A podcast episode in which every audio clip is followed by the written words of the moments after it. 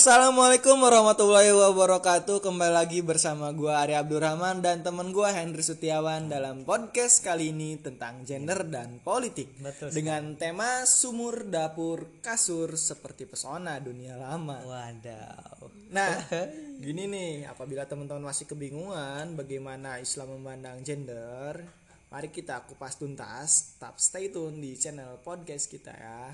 Oke. Oke, sebelum kita bahas tuntas tentang gender, mari kita bahas lebih serius sebenarnya bagaimana sih Islam memandang kesetaraan gender. Mari kita dengarkan terlebih dahulu dari kawan kita Henry. Nah, oke, baiklah. E, perkenalkan nama saya Henry. Nah, terima kasih oleh kawan saya itu yakni Ari gitu kan sudah mempersilahkan saya bagaimana saya akan mengumpas tuntas bagaimana sih Islam memandang kesetaraan gender gitu. Oke. Sebelum itu, pengertian gender yang dikutip dari buku Argumen Kesetaraan Gender Perspektif Al-Quran dalam kamus Webster's New World Dictionary. Gender adalah perbedaan yang tampak antara pria dan wanita. Nah, salah satunya itu bisa dilihat dari segi nilai dan tingkah lakunya. Nah, bukan perbedaan dari jenis kelamin saja gitu. Nah, dalam ajaran Islam sendiri, perempuan mempunyai kedudukan yang setara dengan laki-laki sejak abad 14 yang lalu. Nah, di sini Al-Qur'an telah menghapuskan diskriminasi antara laki-laki dan perempuan. Bahkan Al-Qur'an pun memandang sama kedudukan laki-laki dan perempuan. Di sisi lain, Islam memandang kedudukan laki-laki dan perempuan sama tidak ada yang lebih tinggi derajatnya antara yang satu dengan yang lainnya. Nah, di sini dijelaskan juga dalam firman Allah bahwa sesungguhnya orang yang paling mulia di sisi Allah ialah orang yang paling bertakwa di antara kalian. Nah, bagaimanapun agama Islam memberikan pernyataan bahwa di mata Tuhan kaum Adam dan kaum Hawa sama saja dan hanya satu pembeda yaitu perempuan mengandung, melahirkan dan juga menyusui. Dalam hukum pun Allah mengatakan keduanya sama saja derajatnya, hanya satu yang membedakannya yaitu iman dan takwanya seseorang. Nah, di sini eh, adapun Abdullah Yusuf Ali menerjemahkan Quran surat An-Nisa ayat 34 antara lain dengan mengartikan man are protector and maintainers of woman. Nah, di sini laki-laki berfungsi sebagai pengayom atau pelindung gitu kan ya bagi perempuan. Nah, jadi di sini bukan dimaksudkan bukan dimaksudkan maksud saya ya bahwa perempuan kedudukannya lebih rendah daripada laki-laki begitu. Uh, selanjutnya mungkin akan dijelaskan lebih dalam lagi oleh saudara Ari gitu selaku rekan uh, rekan rekan baik saya lah gitu kan. Oke. Okay. Ya mungkin kalau misalkan tentang gender, gue juga bingung pribadi Ndri karena pada dasarnya gender tidak terlepas dari konsep perpolitikan yang ada kalau misalkan kita mengaitkannya dengan Islam nih hmm. tentu banyak yang pro dan banyak yang kontra juga tapi hmm. tidak jarang juga banyak orang-orang di luaran sana masih memandang bahwasanya laki-laki itu derajatnya lebih tinggi daripada perempuan itu tersirat jelas dalam uh, hadis yang berbunyi Arizalun Komun Nisa bahwa pemimpin adalah seorang laki-laki. Nah ini mematahkan mematahkan semangat wanita yang di mana wanita ingin berkiprah di dunia kepemimpinan khususnya misalkan dalam ranah politik atau misalkan e, kita mengetahui kalau di ranah politik wanita mengisi 30% kursi dan lain sebagainya seperti itu dan juga kalau misalnya kita mengacu hal tersebut pada dasarnya terdapat hal-hal yang keliru dalam dalam ranah-ranah tersebut. Kalau misalkan pemimpin memang seorang laki-laki tapi Sejak berabad-abad lalu, pada dasarnya Islam pun telah mendeskripsikan perempuan pun bisa menjadi seorang pemimpin. Hal ini terbukti pada zaman yang di mana perang Jamal. Pada masa itu istri Rasulullah, Sayyidat Aisyah, memimpin perang Jamal yang dipercaya oleh para sahabat Nabi. Hal ini bagaimana kita melihat tentang keperkasaan seorang wanita ketika memimpin yang dalam hal ini juga tidak mematahkan namun pemimpin juga layak menjadi seorang seorang motivator tentunya. Nah, motivator ini motivator bagi kaumnya dan bagi kaum yang lain pula. Nah, apabila di pembukaan podcast kita tadi dibuka dengan lantunan Al-Qur'an, maka di situ dijelaskan bahwa Sesungguhnya laki-laki dan perempuan yang muslim, laki-laki perempuan yang mukmin, laki-laki dan perempuan yang tetap dalam ketaatannya, laki-laki dan perempuan yang benar, laki-laki dan perempuan yang sabar, laki-laki dan perempuan yang husu, laki-laki dan perempuan yang bersedekah, laki-laki dan perempuan yang berpuasa, laki-laki dan perempuan yang memelihara kehormatannya, laki-laki dan perempuan yang banyak menyebut nama Allah, Allah telah menyediakan untuk mereka ampunan dan pahala yang besar. Artinya, dalam hal ini tersirat nih bahwasanya ketika misalkan perempuan menjadi pemimpin, laki-laki menjadi pemimpin, sama-sama mendapatkan pahala yang besar dan ampunan dari Allah Subhanahu wa taala. Itu yang tersirat dari Quran surat Al-Ahzab ayat 35. Jadi kalau misalkan kita mengacu pada ayat-ayat yang lain seperti misalkan dalam surat Al eh, At-Taubah ayat 71, Al-Imran ayat 135. Kita akan mengkaji banyak-banyak tentang bahasan wanita, apalagi wanita sangat dimuliakan, bahkan turun yang namanya suratul An-Nisa yang membahas khusus tentang wanita. Namun, dalam hal ini Al-Qur'an pun menjelaskan bahwa perempuan dalam kesetaraan gender ini memandang tentang bagaimana perempuan memimpin dan dipimpin. Nah, kalau menurut lu Nindri, hmm. antara memimpin dan dipimpin bagi perspektif gender politik e, perempuan, menurut lu gimana nih? Ya kalau menurut gue sendiri ya, bagaimana itu orang e, melihat seorang pemimpin itu e, baik laki-laki ataupun perempuan itu sebenarnya tidak ada halangan ataupun tidak ada batasan. Kalau menurut gue sendiri ya, karena di sisi lain ya Ria, ini perempuan ini tidak luput dari uh, sebuah pengalaman. Tentunya itu yang menjadi landasan gitu ri.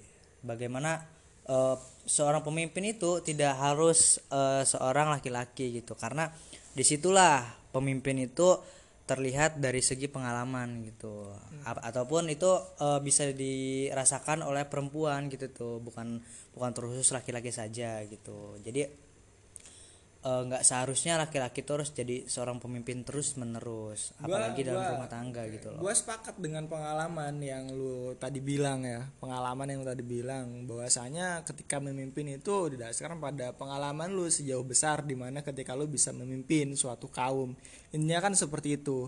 Namun kalau misalkan kita dalam gender Islam tentu pengalaman pun tidak cukup untuk menjadi hmm, pemimpin. betul. perlu bakat-bakat yang khusus untuk menjadi seorang pemimpin ketika pengamanan pengamanan apa pokoknya itulah. Nah pokoknya eh, pengalaman lu banyak terus apa pun banyak ketika lu nggak ada niatan menjadi seorang pemimpin ya percuma. Intinya itu ketika misalkan wanita nih pengalamannya banyak menjadi seorang pemimpin tapi jiwanya bukan jiwa pemimpin maka yang mohon maaf itu tidak bisa dikatakan menjadi seorang pemimpin. Tapi nih ya Arya gue punya pertanyaan nih Ri. Kira-kira uh, dalam dunia uh, keluarga nah gender dalam perspektif Islam ini apakah bisa dikatakan eh, laki-laki uh, itu uh, tugasnya hanya memimpin memimpin saja dan perempuan itu tugasnya hanya membantu ataupun melaksanakan tugas-tugas seorang laki-laki gitu tuh dalam oh, perspektif Islam. Bagaimana iya, tuh kira-kira? Bagaimana? Ya oke oke. Kalau misalkan dalam Islam ya, dalam Islam kita uh, tidak membahas jauh-jauh karena ini bahasanya sangat sangat sangat apa ya sangat-sangat riskan sekali teman-teman. Jadi kalau misalkan dalam Islam sendiri tentang tadi yang gue bahas Jalan Komponen Nisa bahwa pemimpin adalah seorang laki-laki maka benar adanya benar adanya seperti itu. Karena pada dasarnya terdapat empat poin penting yang menjadi landasan e, seorang tugas perempuan ketika ia berumah tangga ketika ia menjadi seorang istri, menjadi ibu dan menjadi ranah-ranah sosial seperti itu. Ketika kalau misalkan nih uh, seorang istri nih ya, hmm. seorang istri tentunya tidak bisa menjadi seorang ibu. Ini ini menjadi dua perspektif yang berbeda. Seorang hmm. istri tidak bisa menjadi seorang ibu Bagaimana? bagi bagi se- suaminya tentunya kalau misalkan ya seorang laki-laki pasti ngeibu pada ibunya sendiri bukan pada istrinya seperti itu. Karena kalau pada dasarnya surga di telapak kaki ibu untuk itu berlaku untuk laki-laki. Kalau misalkan untuk perempuan pribadi suami itu sebagai Salah surganya. ya salah satu surganya salah satu surganya seorang istri. Jadi kalau misalkan ibu mah istri juga punya seorang suami juga punya. Namun lebih diberatkan kepada seorang suami. Nah menurut lu nih ya menurut lu kalau misalkan dalam perspektif pribadi dan sosial nah kita mengetahui kalau misalkan sosial tidak lepas tadi yang mbak kita bahas tentang sumur dapur kasur. Itu kan perspektif dunia lama nih. Nah kalau misalkan menurut lu nih antara pribadi dan sosial bagaimana kesetaraan gender saat ini dalam perspektif Islam tentunya. Kan kita ngebahas tentang perspektif Islam bre. Set. Oke, kalau menurut gue sendiri ya, ya terkait pandangan hal tersebut, apalagi dalam perspektif Islam ya, terkhusus eh, da- tadi pribadi dan eh, apa tadi? Pribadi dan, dan sosial, dan pribadi dan sosial. Itu sih sudah terlihat gitu ri, bagaimana seorang laki-laki, seorang perempuan itu sudah mempunyai apa namanya tugasnya masing-masing. Nah di situ Islam eh, dalam eh, dalam dalam Al-Qur'an nah itu tuh udah dijelaskan gitu tuh bagaimana eh, Islam ini tidak mengatur gitu tuh bagaimana Islam ini tidak mengatur ya ya tidak mengatur bagaimana eh, dalam rumah tangga ini dalam rumah tangga ya dalam rumah tangga. Hmm, dalam rumah tangga ini tidak diatur gitu tuh. Tentunya eh, seorang laki-laki bisa mengeja- mengerjakan tugas eh, pribadinya seorang perempuan. Contohnya kayak misalkan eh, kita mau masak nih nggak harus perempuan aja yang masak gitu. Tentunya laki-laki bisa masak. Diluruskan ya. Seperti itu. Tidak mengatur dalam artian mengaturnya dalam ranah yang lain. Misalkan mengaturnya ya kalau misalkan eh, cewek masak ya cowok pun bisa masak sebenarnya itu. Karena kodrati perempuan yang lu bilang tadi kan cuma menyusui mengandung atau menstruasi. Betul ya seperti itu kan pada dasarnya seperti itu. Nah nah ketika misalkan dia menjadi pribadi atau menjadi sosial tentulah kalau dalam hal-hal politik eh, kita akan menyinggung tentang bagaimana nih Al-Quran mengemas antara keempat komponen gender tersebut. Misalkan wanita sebagai istri, sebagai sosial, sebagai pribadi dan sebagai ibu, tentu yang paling banyak dibicarakan di dalam Al-Qur'an itu tentang seorang istri. Kenapa coba menurut lo?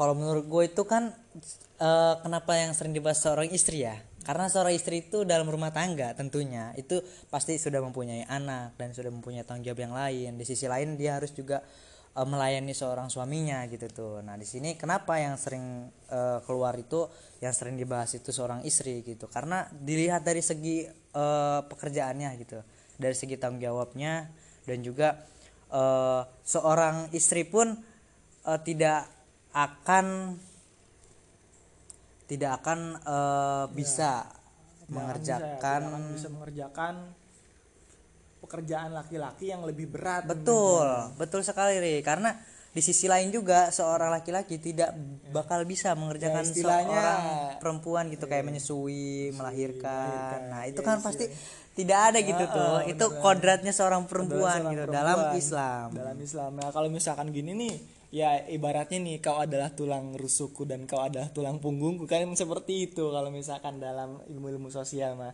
Iya. Tapi nih ya Hmm. eh, mengupas lebih lebih sejarah nih, lebih sejarah eh, pada zaman-zaman dahulu di ya kita sebetulnya misalkan di tahun 16-an nah, tahun 16-an eh, pada dasarnya terdapat nih seorang pemimpin di Aceh yang sangat fenomenal sekali. Hmm, bahkan bahkan dia itu merupakan zaman-zaman keemasan zaman-zaman keemasan Islam dan Melayu di Aceh Dalam tak- segi pemimpin gitu Iya, ya. dalam segi memimpin ekonomi, perdagangan Aceh dan lain-lainnya. Ya, ya pokoknya iya ya geluti lah, pokoknya geluti. Nah, namanya adalah Sapia Sapidatun dari Aceh, Sapiatudin dari Aceh. Maaf, Sapiatudin dari Aceh. Dia adalah sosok seorang pemimpin perempuan yang gimana ya bahwasanya Islam di Aceh kan kita ketahui tuh sangat kental banget kalau misalkan dalam masyarakat Indonesia kita mengenal bahwa Aceh itu adalah merupakan Mekah kedua. Nah, di Aceh pun tidak melarang seorang perempuan menjadi eh, pemimpin ya. pemimpin. Ya, menjadi seorang pemimpin. Seperti itu kan. Nah, bahkan seorang perempuan yang tadi gua udah sebutin eh, seorang Sayyidatuna Aisyah istri Nabi pun bisa memimpin perang Jamal yang dipercaya oleh seorang nabi, sahabat-sahabat nabinya seperti itu. Jadi kalau misalkan memandang perspektif Islam, ya sangat kompleks menurut gua, sangat kompleks. Iya, karena kan berangkat dari eh karena berangkat dari eh, apa yang sudah terjadi pada saat itu, di mana kan Islam sangat kental sekali di eh, khususnya di negara Indonesia kan. Nah, bagaimana kan eh, di situ sudah terlihat ada dua orang yang sangat besar gitu tuh, yaitu eh, orang yang bisa memimpin dengan jenis kelamin perempuan gitu. Jadi kalau menurut gue sendiri pun di zaman sekarang ya tentunya di era-era era modern lah ya Iya, benar. Itu modern lah ya. bisa saja gitu sih bisa saja menjadi seorang pemimpin yang kuat gitu itu aja kali ya. Ya, eh, perlu digarisbawahi ya pada dasarnya kita akan membahas tentang gender dalam perspektif Islam. Ketika sumur dapur masih melekat dalam dunia saat ini kita mengetahui dalam Islam pun tidak mengatur hal tersebut. Artinya perempu perempuan tidak dikekang oleh Al-Quran dalam hal memimpin ya tentunya. Dalam hal-hal yang lain ya diatur lah seperti itu. Kalau misalnya tentang memimpin eh, Allah pun menjelaskan tentang seorang kaum itu tidak dilihat dari siapa jenis kelaminnya dan bagaimana berproses. Artinya bahwa siapa pun pemimpinnya pasti diukur dengan ketakwaannya. Baik pemimpin perempuan dan pemimpin laki-laki mah nggak diperbolehkan. Intinya kan seperti itu kalau dalam bahasa Sundanya mah mah nggak lah gitu kan. Kalau dalam surat al-hajab tadi yang paling besar adalah pahalanya teman-teman. Jadi kalau misalkan antara laki-laki dan perempuan ahlaknya terus agamanya terus sosialnya itu dibahas dalam surat al-hajab maka yang mendapatkan keduanya adalah diukur dalam pahala yang besar. Artinya pemimpin dari perempuan pun bisa dikatakan bolehlah memimpin seperti itu mungkin ya seperti itu boleh bisa. Nah, berangkat dari hal tersebut ya, eh, teman-teman asal yang saya eh, tidak tahu dari mana-mananya ya. Eh, dari sini kita harus lebih tahu bahwa eh, dalam tema ini yaitu tentang sumur, dapur dan kasur seperti pesona dunia lama. Nah, sering kita ketahui bahwa perempuan ini terkadang diibaratkan setelah nikah ya udah pekerjaannya di eh, sumur ketiga tempat tersebut ya Nah iya dapur pasti kasur. ya kalau ada tulang punggungku tulang punggung tiap malam Soalnya kan eh, itu sudah menjadi hal yang melekat gitu tuh dalam eh, dunia yang lama gitu. Namun eh, yang saya ketahui, eh, yang saya jumpai tentunya di keluarga saya sendiri ya, teman-teman. Di sini saya melihat bagaimana eh, seorang laki-laki yang sering dikenal menjadi pemimpin dalam keluarga ini melaksanakan tugas seorang perempuan. Artinya dalam hal ini perempuan tidak hanya mengerjakan tugas di sumur, di dapur dan juga di kasur. Nah, di sini sudah ada eh, sebuah peradaban yang lebih modern. Artinya di sini tidak lagi seharusnya perempuan melaksanakan tiga tugas tersebut gitu. Nah, terus ya bapak saya sendiri pun mengerjakan hal itu, Ri. Kayak misalkan di sumur, ya dia ngisiin Nyuci lah air, ya, nyuci ngisiin ya. air, nyuci gitu kan, kayak gitulah. lah ya. Terus kayak kalau di dapur masak juga bapak Iya, saya. Siapa tahu kalau misalkan ada channel masak lo bapak lu bisa masak Nah, itu. Karena eh, berangkat dari itu ya, itu berangkat dari eh, bapak gue itu setelah mondok, Ri. ya mondok bu mondok buset Ah, gimana tuh Jadi kan eh tahulah gitu tuh bagaimana di pondok itu dia belajar gitu cara masak dan juga tahu sejarahnya bagaimana perempuan itu tidak hanya dikhususkan buat masak saja. ya kalau cek Sundana teh emang ngaliwet lah ya ngaliwet tuh. ayo ngaliwet dak kan gitu aduh Jadi hal itu sudah mulai pudar gitu Ri. Kalau menurut gua ya Ria, karena sepengalaman gua dan setahu gua eh, salah satu contoh gitu Ri di keluarga gua sendiri gitu. ya lagi-lagi ego ya ego seorang pria mungkin lebih gede mungkin daripada seor- seorang wanita ya kalau misalkan lu sebagai seorang wanita ya cukup tiga hal tersebut aja sumur dapur kasur lu. Kan seperti itu. Iya sih. ya eh, ya oke oke oke. Jadi kalau misalkan ya intinya mah sebelum kita merembet ke hal-hal yang jauh baik lu misalkan perempuan lu seorang laki-laki dalam surat Anisa tadi dijelaskan bahwa yang paling membedakan yang cukup signifikan adalah tentang bagaimana akhlak lu tak peduli. Kalau misalkan dalam Al-Quran tak peduli lu mau laki-laki mau perempuan ketika lu bisa memimpin ya sok mangga. Tapi yang membedakan adalah eh, apa ya tadi. Yang membedakan adalah tingkat ketakwaan lu kepada Tuhan. Kan intinya seperti itu. Betul, jadi kalau misalkan ada ada ada rasa di mana ah gue derajat laki-laki lebih tinggi nih. Memang lebih tinggi. Betul. tapi yang lebih tinggi dijelaskan lagi bahwa yang derajat lebih tinggi adalah tingkat ketakwaannya kepada sang pencipta. Itu jangan dilupakan teman-teman. Jadi kalau misalkan tadi ada canda-candaan ya seperti itu ya kalau misalkan masak laki-laki pun bisa masak Betul. pribadi jujur bisa masak oh siapa pun gue pasakin ya kan tentunya. kita sama-sama anak kos eh anak kos ya aduh Ah, ya kan Iya, jadi kalau misalnya temen-temen nih ya, ya antara gua dan Henry ya, PC aja lah kalau bisa masak mah masak aja slow. Yoi. buset. Masakin doang. ya, teman-teman, balik lagi ke topik nih, balik lagi ke topik sebelum sebelum merembet. Intinya teman-teman, baik lu tadi perempuan, laki-laki, Laki. kaum wanita, pemimpin adalah laki-laki, tetap teman-teman yang membedakan adalah tingkat ketakwatnya kepada Allah. Namun, namun di sisi lain, teman-teman, seorang wanita tentu punya kewajiban sendiri, betul nggak? Betul. Iya, sebagai istri tadi Sebagai kan. istri, pasti. Apalagi tadi sebagai ibu, sebagai pribadi dan sebagai sosial. Betul. Nah, teman-teman bisa tuh ke ngambil ranah ranah-ranah tersebut sebagai istri ya, ibu ya, pribadi ya dan sosial. Kenapa misalkan sosial ditempatkan yang paling terakhir? Karena yang paling utama adalah sebagai seorang istri, teman-teman. Lagi-lagi dalam Al-Qur'an pun menjelaskan surga istri ya di bawah telapak kaki kaki. suami Nah, mantap, masya Allah. Mungkin cukup sekian ya dari kita pembahasan Ah, dari kali ini. eh, dari gue sih kata-kata terakhir ya Ya. untuk perempuan di seluruh Indonesia terkhusus kawan-kawan Di seluruh dunia kali lah ya. tentunya seluruh dunia lah ya terkhusus lebar ya itu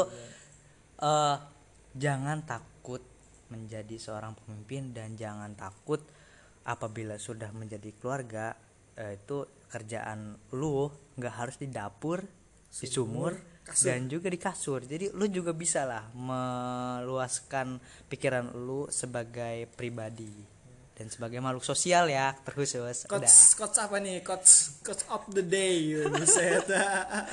Yang cukup sekian ya dari gua, gua, gua Hari. gua Henry Setiawan Ya, terima kasih untuk hari ini. Sampai jumpa kembali. Bye bye. bye bye Bismillahirrahmanirrahim